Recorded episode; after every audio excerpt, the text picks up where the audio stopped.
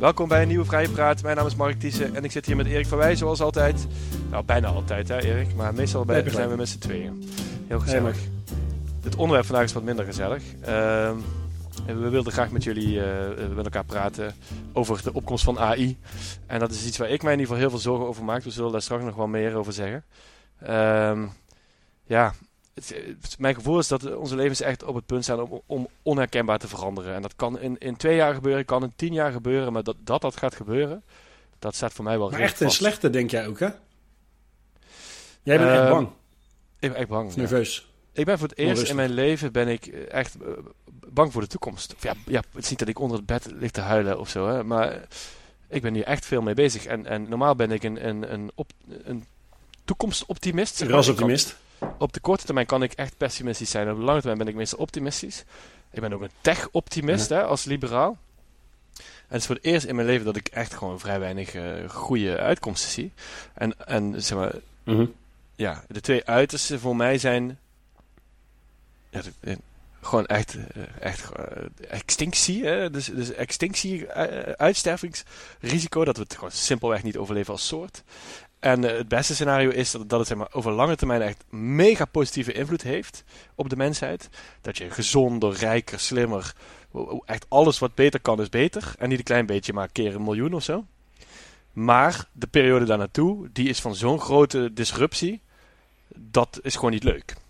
Dus, dus ik heb daar echt een. Oké, dus totale met- vernietiging of Hosanna, een van die twee. maar, maar ook Hosanna is een kutscenario voor ons, voor jou en mij en voor onze kinderen. Want de, de periode daar naartoe is, is, is een totale disruptieve periode van, van chaos en, en veel te snelle verandering en weet ik veel wat.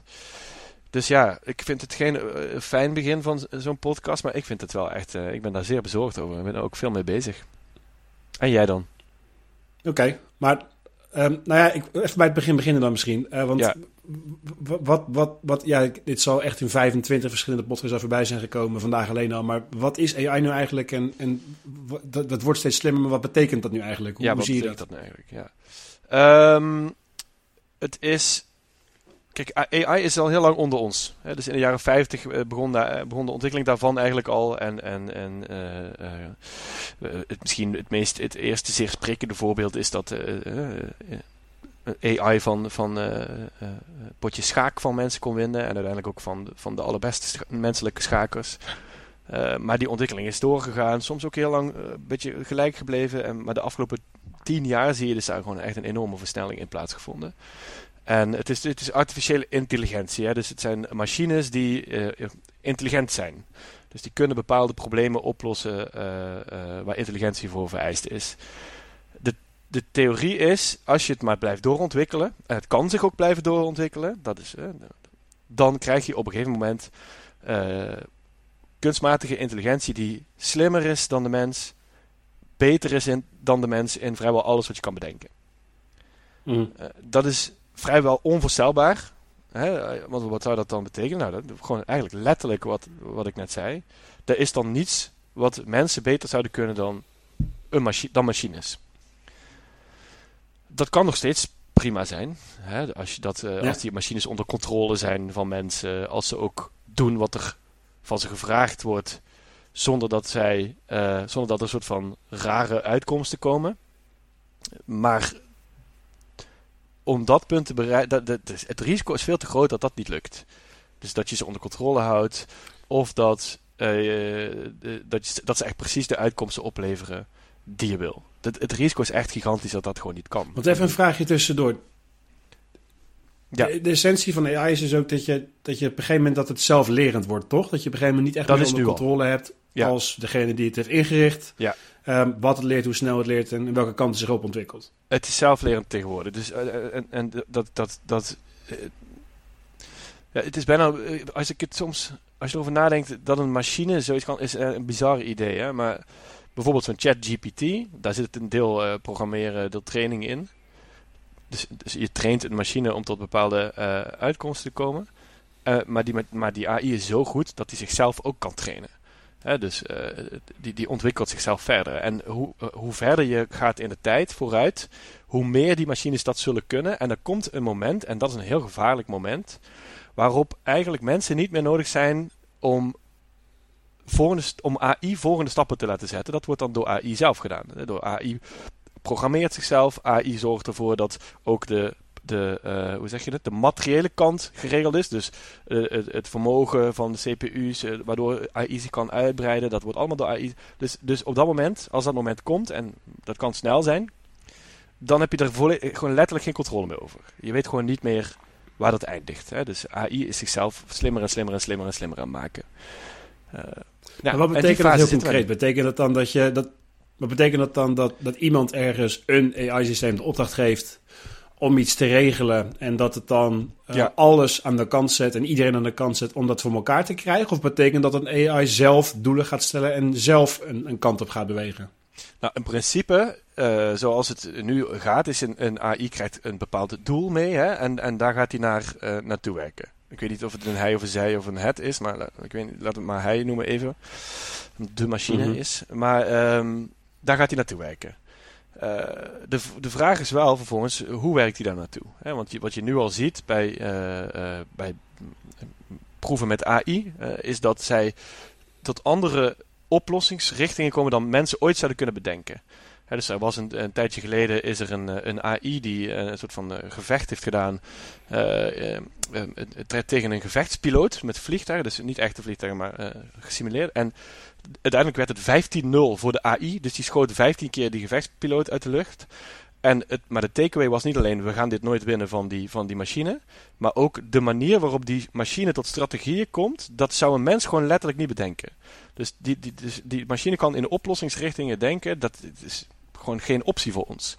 Dus ook daar, je weet nooit hoe die machine tot het doel komt. En het, het, de voorbeeld wat vaak gebruikt wordt is die paperclip... Uh, uh, AI. Hè? Dus je geeft een, een AI geef je de opdracht, jij moet paperclips produceren. En als, als die AI mm. maar zichzelf slimmer en slimmer en slimmer maakt, en die heeft nog steeds dat doel, dan kan het zijn dat gewoon uiteindelijk gewoon de hele wereld een paperclip-fabriek wordt. Omdat die AI maar blijft optimaliseren naar paperclip uh, produceren. Dus uiteindelijk de mensheid wordt uitgeschakeld om maar, zodat de AI meer middelen heeft om paperclips te produ produceren. Je hebt geen zicht op hoe die tot het doel gaat komen en hoe groot hij dat doel uh, uh, ziet. Maar, maar zolang je AI de juiste instructies geeft, dan. Nee, precies. Zolang je zo'n AI de juiste instructies geeft. Van, goh, ik wil dat jij uh, zoveel ja. mogelijk paperclips produceert binnen bijvoorbeeld deze fabriek. Ja. Of zonder daarmee mensen kwaad te doen. Ja. Um, en daarmee heb je dus uiteindelijk veel sneller, veel goedkoper, veel meer paperclips. D ja. Dan hoeft het toch niet per se een probleem te zijn, mits je de juiste instructies maar blijft geven? Um, maar die, kijk, je kunt dus een doelstelling, je kan daar kaders bij stellen. Hè? Maar kijk, je moet dus na, gaan na hoe moeilijk het is als ik een mens een doel geef en ik geef kaders, dan heeft die mens nog steeds een bepaalde vrijheid om dat doel te bereiken. Uh, en hoe die mens dat gaat doen, mm. dat, dat weet ik niet. En het kan ook best wel op een rare manier zijn die ik eigenlijk helemaal niet wilde. Hè, dus bijvoorbeeld, uh, weet ik veel. Uh, tegenwoordig kan je een voetbalwedstrijd ja. winnen door een supporter een bier, bierglas op het veld te laten gooien op het juiste moment. Ja, dat was, oh, ja, ja. was nooit de bedoeling van die regel, maar goed, het, het, kan wel zo gebruikt worden. Maar AI's mm. zijn zo ontwikkeld en zo slim en zo groot, dat je eigenlijk geen idee hebt wat er zich in, dat, in die machine afspeelt. En daar bijvoorbeeld, uh, uh, een paar weken geleden stond er een, een, een, podcast online van Sam Altman. Dat is de, de oprichter van OpenAI. Die hebben dat ChatGPT uh, uitgevonden, laten we maar zeggen, getraind. En hij mm -hmm. weet gewoon niet wat er zich in die machine afspeelt. Dus hij weet, als ik daar iets in gooi, dan komt daar dit uit. En zo hebben we hem ook getraind. Maar wat daar precies gebeurt, hij heeft geen idee. He, dus hij weet bijvoorbeeld niet. Uh, hij stelt zelf in die podcast de vraag aan iemand: Denk jij dat die, dat die machine die wij gecreëerd heeft, dat die bewust, bewust is? Dat die bewustzijn heeft? Hè? Iets wat we altijd als iets uniek menselijks of zo uh, uh, hebben, hebben gezien. En hij weet dat zelf niet. Dus hij heeft een machine gecreëerd waarvan die niet weet of die misschien wel bewustzijn over heeft ontwikkeld. Dus dan zou je dus een intelligentie hebben gecreëerd. Ik had het dus laatst ook, hè? Ja? Ik had het dus laatst ook in een misschien iets minder belangrijke context. Maar ik was bij een online winkel, was ik aan het shoppen naar een, uh, was het een nieuwe broek of nieuwe schoenen, nieuwe sneakers of zo. En um, je kan dan ervoor kiezen om wel of niet achteraf te betalen. En ja. die optie had ik altijd wel. Uh, op een gegeven moment een keer in een uh, wat drukke periode één of twee factuurtjes gemist, geloof ik. En uh, betalingsherinneringen en zo. En toen was die optie verdwenen. Dus ik kon niet meer die sneakers op eerst bestellen en dan pas achteraf betalen als ik besloot ze te houden. Dus ik belde de klantenservice van, goh, hè, ik, ik probeer die um, sneakers achteraf te betalen, maar dat, dat, kan niet meer. Kunt u mij uitleggen wat er aan de hand is? Dus nou ja, mm, nee, ja, dan zal er ergens inderdaad iets gebeurd zijn waardoor je niet meer um, de goede score hebt, zo gezegd, om die, om die kringen achteraf te betalen. En uh, dat is nu eventjes zo. Ik zei, oké, maar wat kan ik dan doen om dat, om dat te herstellen? Zei ja, mm, nou, dat weten we eigenlijk ook niet zo goed. Er wordt echt een beetje uitgerekend en nou, dat is wij hebben er zelf niet zo heel goed zicht op. Je weet het gewoon niet. Nee, dus je weet gewoon niet wat daar in die machines gaande is. En dat is heel gevaarlijk. Hè? Dus, maar dat is nog een tweede punt. Iets wat, wat ik verbazingwekkend vind. Dus die machines zelf, daar hebben we weinig zicht op wat daarin gebeurt. Dus daar heb je al weinig controle over. Maar de mensen die ze aan het maken zijn, mhm. die staan ook niet onder controle. Hè? Dus het wordt gemaakt door grote bedrijven. Uh, dat OpenAI samen met, die worden heel erg gefund door Microsoft, door Google, andere grote bedrijven. En die gooien gewoon shit de markt op. dus dat ChatGPT, dat is gewoon hop, we hebben het, we gooien het naar uh, uh, publiek. Dat zijn zo'n mhm. machtige instrumenten.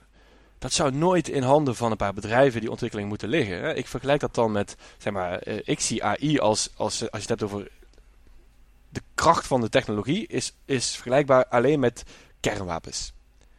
En je moet je voorstellen dat we in de jaren 30 en 40, destijds is door de Amerikaanse overheid en de andere overheden probeerden het ook, is het kernwapen ontwikkeld. Je moet je voorstellen dat dat aan de markt werd overgelaten.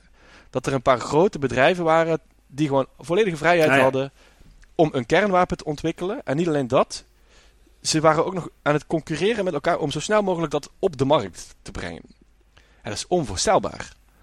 Maar mhm. dat is precies wat er gaande is met AI. Dus niet alleen hebben wij geen controle over de, hebben de makers geen controle over de machines, maar wij hebben ook geen controle over de makers. Dus, en met wij bedoel ik de democratie, de overheid, de staat. Dus het is een mega toxische cocktail, waarbij we een technologie aan het ontwikkelen zijn en misschien wel al hebben die potentieel misschien wel de allerkrachtigste technologie is die we ooit gemaakt hebben. Die, die het in zich heeft om ja, van, van het, het, het meest uh, positieve wat we ooit hebben meegemaakt tot het meest negatieve wat we ooit hebben meegemaakt voor ons te doen. En we hebben daar eigenlijk geen controle over. Maar daar even is... op terugduwen. Hè? Kijk, jij zegt dat het een, een slechte zaak is dat, dat vooral bedrijven um, ehm, AI ontwikkelen, omdat het zo'n belangrijk, um, invloedrijk product kan zijn. Ja. En uh, op bedrijven heb je geen democratische controle, op de overheid wel. Um, daar staat natuurlijk tegenover dat, dat de overheid uh, veel meer machtsmiddelen um, heeft, nu al. Dus de overheid, uh, je zag dat bijvoorbeeld bij een toeslagenaffaire of in andere situaties. Als de overheid al haar macht inzet om, ja. um, om burgers onder controle te krijgen, of het nou is om vorderingen te innen, of het gaat om verkeersboetes incasseren, of het dan gaat om andere manieren, coronamaatregelen, noem het ja. op als de overheid degene is die zo'n machtig middel als AI ook nog eens een keer in haar gereedschapszet zou hebben, um, krijg je er niet een hele gevaarlijke stapeling van, van belangrijke uh, machtsdingen die een overheid heeft. Is het niet juist daarom goed dat zo'n macht niet bij één partij ligt, maar bij verschillende marktpartijen in plaats van bij één sterke overheid? Het probleem is dat die marktpartijen dat doen zonder enige regulering. Hè? Dus, dus bijvoorbeeld bij medicijnen als jij een nieuw medicijn ontwikkelt als farmaceut, dan moet je allemaal trials uh, gaan doen met dat medicijn om te zien wat effecten zijn, of er bijeffecten zijn, whatever. Hè? Dus of het werkt mm. überhaupt. Uh, dat moet van de wet. Dat, dat, anders mag je het niet op de markt brengen. Een, een, een medicijn uh, kan een vervelend effect hebben als het niet getest is op een aantal mensenlevens. deze technologie kan letterlijk het einde van de mens betekenen. En daar, is, daar zijn geen trials voor. voor de, wat zeg je?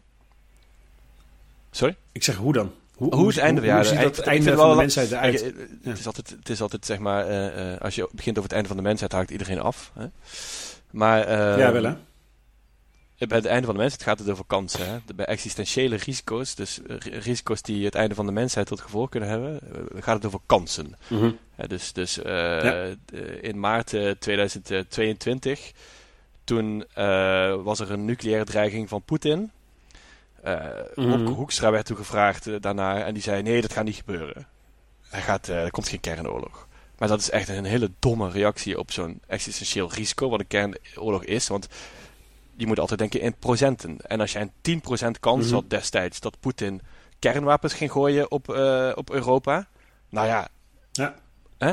De, de downside van die 10% is dat we allemaal dood zijn. Dus het lijkt mij een vrij hoge kans dan 10%. Hè? Dus een beetje als je tegen iemand zegt: Ja, een zebrapad. ik zie dat jij met je kind wil oversteken. Maar iedere 10 keer dat hier iemand oversteekt, wordt die doodgereden. Zou je oversteken? Nee, natuurlijk niet. En mhm. AI-ontwikkelaars zelf schatten in dat de kans dat AI leidt tot het einde van de mensheid ongeveer 10% is. Oh, top. Ja, dat doen, denken die mensen zelf. Hè. En hoe dat kan gebeuren is dus omdat er kan een punt komen waarop, waarop een AI zo goed en slim en beter is in alles dan, uh, dan mensen. En niet zeg maar twee keer beter, maar gewoon duizend tot een miljoen keer beter. Mm en dan heb je geen enkele manier meer om die AI onder controle te houden. En als die zou besluiten, om wat voor manier dan ook, dat wij in de weg staan, dan ben je klaar. En dat is niet, dan heb je een jaar de tijd om te vechten tegen die AI. Dan ben je gewoon binnen een uur is alles kapot. Hè? Dus, dus uh, die legt alles plat, gooit alles plat en uh, het is gewoon afgelopen. Dus, dus, dus, dat kan. Maar daar even tegenover inbrengen, hè? Ik, ik kan me, kijk, ik, je hebt nu iets verteld over inderdaad het meest zwartgallige, akelige scenario wat denkbaar is. Maar je hebt natuurlijk ook een scenario waarin AI heel veel, heel saai werk uit handen neemt van mensen, waardoor mensen zich kunnen concentreren op werk wat alleen mensen kunnen doen. Ja. Ehm, ik ben heel veel bezig met boze brieven schrijven en dagvaarding in elkaar tikken als advocaat. En dat vind ik hartstikke leuk. Maar ik vind het ook leuk om thuis met mijn uh, pasgeboren zoon tijd door te brengen. En ja. Ehm, ik zou er best voor openstaan om op een gegeven moment ehm, minder te gaan werken. En dan meer tijd in bijvoorbeeld zorgtaken te kunnen steken. Of in, in andere dingen die niet aan een computer kan worden overgelaten. Is er geen scenario denkbaar waarin AI er inderdaad voor kan zorgen dat, dat we nooit meer Excel-bestandjes in elkaar hoeven te klussen? Maar dit gaat uh, gebeuren. Dom eentonig werk hoeven te doen. Dus dit, dit gaat gewoon gebeuren. En ik heb goed nieuws voor jou, want als advocaat zul jij over tien jaar gewoon geen werk meer hebben. Er zijn, uh, ja, dat is fijn. Misschien, misschien dat je zeg maar voor de soort van, omdat het, uh, het, het, ritueel is dat je nog in de rechtbank het verhaal moet voorlezen of zo. wat de AI voor jou mhm. gemaakt heeft.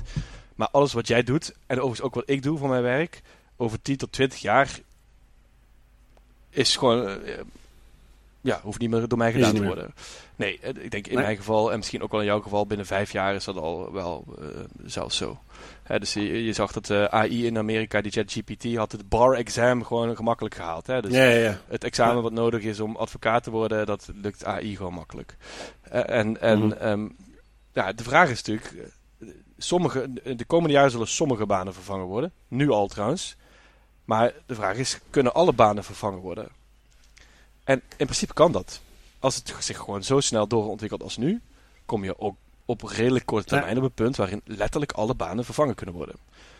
Al het werk wat mensen doen kan dan vervangen worden. Mhm. En dan gaat het dus ook vervangen worden. Hè, dus waarom zou je dat dan niet doen? Uh, maar, maar het punt is, mhm. bij dit soort hey, maar eventjes, transities... Dit, dit, soort... Is... Ja.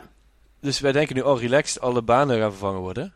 Maar dit heeft natuurlijk gigantische gevolgen voor hoe je systemen eruit zien.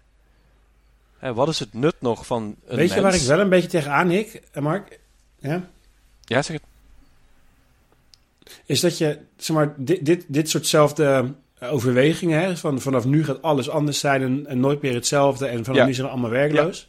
Ik denk dat je dit ook hebt gehoord destijds bij digitalisering, bij robotisering, bij elektriciteit, bij, bij de stoommachine. Ja. Wat is er nou eigenlijk anders aan AI ten opzichte van al die eerdere revoluties die we hebben doorgemaakt? Ja, dat is één cruciaal verschil. Waarom is dit zo uniek? Ja, kijk, um, ten, het, eerste is de snelheid waarmee het gaat. Hè? Dus um, uh, ja, wat zullen we zeggen? Uh, je hebt dat, ooit is landbouw is een van de grootste, uh, hoe zeg je dat? disruptieve technologieën, hè? zo kan je het noemen, is ooit geweest. Landbouw, die heeft de wereld veranderd. Dat duurde 2000 jaar. Toen kwam het schrift, dat veranderde de mhm. wereld en die had daar duizend jaar voor nodig. Op een gegeven moment kreeg je buskruid, mm had 400 jaar nodig om de wereld te veranderen. De boekdrukkunst, 200 jaar nodig. Industriële revolutie 100 jaar. Het internet 30 jaar. Het wordt steeds korter. En AI, ja.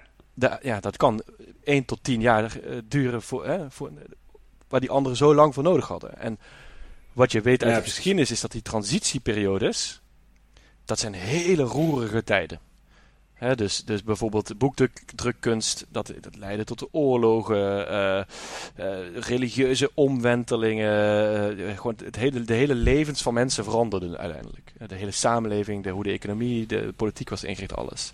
Maar ook sociale media, hè, bijvoorbeeld. Iets klein, wat heel klein lijkt. dat heeft onze democratie aan het wankelen gebracht. Ja, dat is niets vergeleken met AI. Hè? Dus, ja. Het tweede punt, dus de snelheid is, is totaal anders. Kan veel sneller gaan en de gevolgen zijn veel groter. En het tweede punt is dat al die andere technologische revoluties zijn in feite, in ieder geval voor het grootste deel, revoluties die de mens in eh, bepaalde fysieke aspecten van de mens konden uh, uh, overnemen. dus nou ja, landbouw, met, met dieren kon je fysieke aspecten van je werk overnemen. Nou, industriële revolutie is een perfecte voorbeeld natuurlijk. Robotisering daarna ook. AI is iets heel anders dan die andere technologieën. Het is niet iets wat je, wat je aan en uitzet. Het is een intelligentie. Dus eigenlijk heb je een, een, een, een Harari, die schrijver, die zei dat uh, deze vorige week. Mhm. Je hebt een, we hebben het altijd over aliens die naar aarde komen. Hè, een, een, een alien intelligence. We hebben hem gemaakt, hè? Dus we hebben zelf dat gemaakt. Dus er zijn in feite nu aliens op aarde. We hebben een intelligentie gecreëerd die hier is.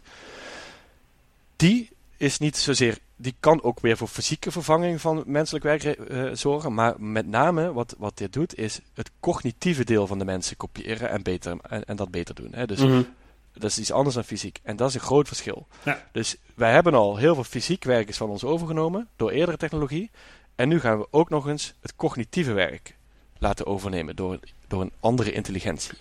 Dat betekent dat in feite gewoon alles. Waarom is dat verschil zo belangrijk? Wat betekent dat?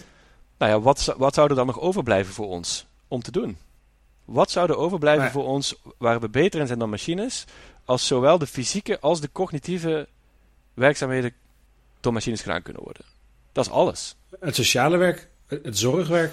Maar je, je kan dus, je niet door een. Uh... Je kunt nu al voorzien dat, dat uh, stel jij gaat naar de dokter en je hebt een, uh, uh, is een vermoeden dat jij kanker hebt. Nou, je gaat mm. nu naar een dokter, dat is een mens, die kan fouten maken ook. dus de analyse is niet 100% zeker. Er zijn genoeg onderzoeken die laten zien dat dokters gewoon heel erg menselijk zijn en dus inschattingsfouten maken. Uh, en het tweede is, die dokters zijn echt geen empathische machines. dus er zijn uh, zoveel verhalen van mensen die gewoon clean en kill krijgen medegedeeld, jij hebt kanker. Dat snap ik ook wel vanuit die dokter, dat is niet makkelijk. Over tien jaar, mhm. misschien eerder, misschien later, heb je een AI. Zou je een AI kunnen hebben? Die maakt die analyse beter. Dat kwam vorige week uit een onderzoek. Hè? AI's kunnen nu al beter zien of jij kanker hebt dan een dokter. En die AI, die is mhm. zo slim, die weet, die weet ongeveer hoe jij bent door hoe jij praat. Die leest hoe jij praat, die leest hoe jij kijkt, die leest de, de, de taal die jij gebruikt in vragen. Die heeft kennis van menselijke psychologie. Die weet veel beter wat hij tegen jou moet zeggen om jou een goed gevoel te geven. Of goed gevoel, minder slecht gevoel te geven over je. Uh, uh, terwijl hij mhm. zegt dat je kanker hebt. Dan een dokter dat ooit kan hebben. Dus ook dat kan op termijn door een AI beter gedaan worden dan door een mens. Nog steeds kan je mensen tegenover je willen hebben zitten. Hè, dat kan. Maar dat is natuurlijk geen overweging mhm. vaak. Want dat is natuurlijk ook iets wat je in, in eigen hand hebt tot een bepaalde hoogte. Hè? Als je besluit met elkaar van hé, hey, we vinden het belangrijk dat bijvoorbeeld een psycholoog of inderdaad een huisarts altijd een mens is. Um, die huisarts of psycholoog kan wel AI inzetten door bij wijze van spreken zijn laptopje open te hebben staan. En af en toe inderdaad van, god, deze zin gaat lekker vallen bij iemand. Of deze opmerking zou misschien kunnen helpen. Of let erop dat je dit nog niet gezegd hebt. Dat zou juist een hele waardevolle aanvulling kunnen zijn ten aanzien van wat we nu kunnen, toch? Ja, dus, maar dan, waarom zou je dan nog iemand, uh, zeg maar... Of denk je dat de verleiding dan bestaat om het helemaal te laten overnemen? Dit kan, dat is eigenlijk ook wat ik net tegen jou zei. Hè? Dus de, jouw rol als advocaat gaat uiteindelijk dan misschien worden dat jij nog het ritueel uh, verricht. Hè? Dus je gaat naar de rechtbank en je doet je pakje aan en je leest voor wat AI voor jou bedacht heeft. en hetzelfde is dus bij mhm. deze dokter het geval. Hè? Want de dokter maakt zelf niet de analyse, dat doet AI. de dokter maakt ook niet, bepaalt ook niet zelf wat hij of zij gaat zeggen. Want de AI zegt, je moet tegen deze persoon het in die woorden zeggen. Dus eigenlijk die dokter is een rituele functie die gewoon een soort van overbrengt wat een AI gezegd heeft. Ja, en dan is de volgende vraag, waarom moet die persoon daar dan nog zitten? Ja, check. Maar goed, hey, het is dus allemaal vrij... Uh, nou, wacht, één ding. Vrij heftig. Want ja. uh, wij hebben het natuurlijk vaak over vrijheid en over democratie. Uh, en mhm. ik zou dus ook het, de komende jaren misschien wel langer hier heel veel aandacht aan willen besteden als je het hebt over AI. Omdat ik zie op dit moment geen groter gevaar voor individuele vrijheid en onze democratie dan AI. En dat geldt op heel veel vlakken. Hè. Dus aan de ene kant, Harari schrijft vorige week in The Economist. op het moment dat je een AI hebt, en die hebben we nu, die in staat is om verhalen te bedenken, om mensen te beïnvloeden door taal, om in massa berichten uit te brengen, dat is eigenlijk het moment waarop je democratie gewoon voorbij is. Hè? Dus als je niet meer kan inschatten, ik ben met een mhm. AI aan het praten of met een mens, dan kan er zoveel desinformatie en beïnvloeding komen dat het eigenlijk geen sprake meer is van een, een goed functionerende democratie. democratie. Uh, Dat is gewoon aan het gebeuren. En we zijn daar ook geen wetgeving voor aan het maken of niks. Uh, dus, dus, dus, als je het hebt over vrijheid, dit is een vaartje. Misschien gaan politici ook hey, Is er nog eh, iets wat we kunnen doen om dit een beetje in goede banen te leiden? Ja, gewoon, eh, ofwel gewoon stoppen met die shit. dus er is een, uh, er is een Amerikaanse uh, oproep geweest van, met echt hele belangrijke mensen, slimme mensen. Die zeiden, je moet een pauze in het, in het ehm, ontwikkelen van AI instellen. Totdat we in godsnaam doorhebben wat we aan het doen zijn. En wat er ook nodig is om het in te kaderen. Dus dat zou kunnen, maar ik denk dat dat niet gaat gebeuren. Dus dan moet je zoveel mogelijk gaan kijken naar hoe kunnen we wetgeving aanpassen zodat het meevalt zodat in ieder geval de, de uitwassen kunnen worden uh, ja, vertraagd of voorkomen. Want wij kunnen dat wel stopzetten, maar als we in China en Rusland denken, of nou, India, van joh, bekijk het maar, wij gaan lekker door. Ja, ja precies. Dus zelfs al dus, zou je eh, internationale afspraken maken, hè, dus we, alle landen komen samen en zeggen mhm. we gaan allemaal stoppen met AI ontwikkelen, dan nog steeds zou je mhm. waarschijnlijk vermoeden dat een ander het stiekem aan het doen is omdat de payoff om de eerste te zijn, is zo gigantisch groot dat je wel moet. Want als je de tweede bent, ben je gewoon eigenlijk af. En je zag dat bij, bij atoomwapens ook. De, de eerste zijn was zo'n groot voordeel dat de tweede zijn eigenlijk al niet meer uitmaakt. En bij dit is dat nog veel, veel, mhm. veel meer. Het zou letterlijk kunnen betekenen dat je eh, op alle gebieden binnen uh, een hele korte termijn uh, iedereen kan, hoe zeg je dat, overheersen als land. Als jij die technologie wel hebt en een ander land niet. Dus, dus, dus, iemand gaat het stiekem doen. En, en daarom kan je heel moeilijk denk ik afspreken dat, dat, dat je er allemaal mee stopt. Want als er eentje stiekem doorgaat, of als je dat idee hebt, eentje stiekem doorgaat, dan ga je het zelf toch ook stiekem doen. Ja, dat is moeilijk. Heb jij een optimistische okay. als slot nog? um, ja, meer. Ik, ik heb toch het idee dat als je inderdaad met z'n allen besluit om um, zo'n nieuwe technologie um, ten goede in te zetten. Of het, het, het kwade een beetje ervan onder de duim te krijgen. Kijk, over kernwapens dachten we ook dat dit dan per definitie het eind van de mensheid zou zijn. Maar je zag bijvoorbeeld bij de Cubaanse raketcrisis of ook op andere momenten. Dat er dan toch, als het puntje bij het paadje komt, niemand er belang bij heeft om, om de samenleving in een soort brandende afgrond te storten. Hmm. Dus dat er dan altijd wel iets of iemand is die dan ja. puur overlevensinstinct zegt van nou, hm, moet er wel iets van een paan en perk aanstellen. Um, en ik heb nog geen, het is natuurlijk altijd makkelijk zeggen, het is nog nooit in de geschiedenis echt zo misgegaan.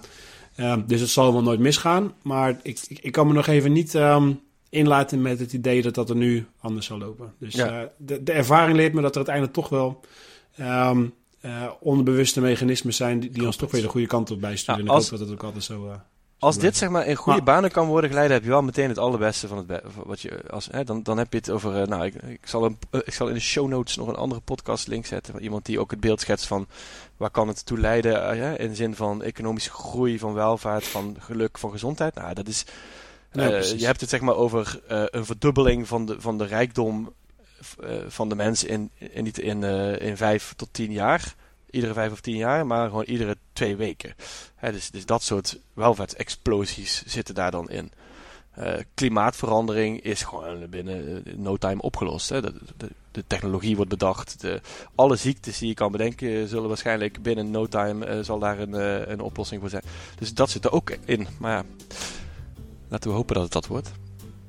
Dat kan wel. Oké. Ja, ja leuk man. Lekker man. Thanks. Fijn weekend. Hey, um, goed Mark. Thanks. Doei. Ja, oké. Okay.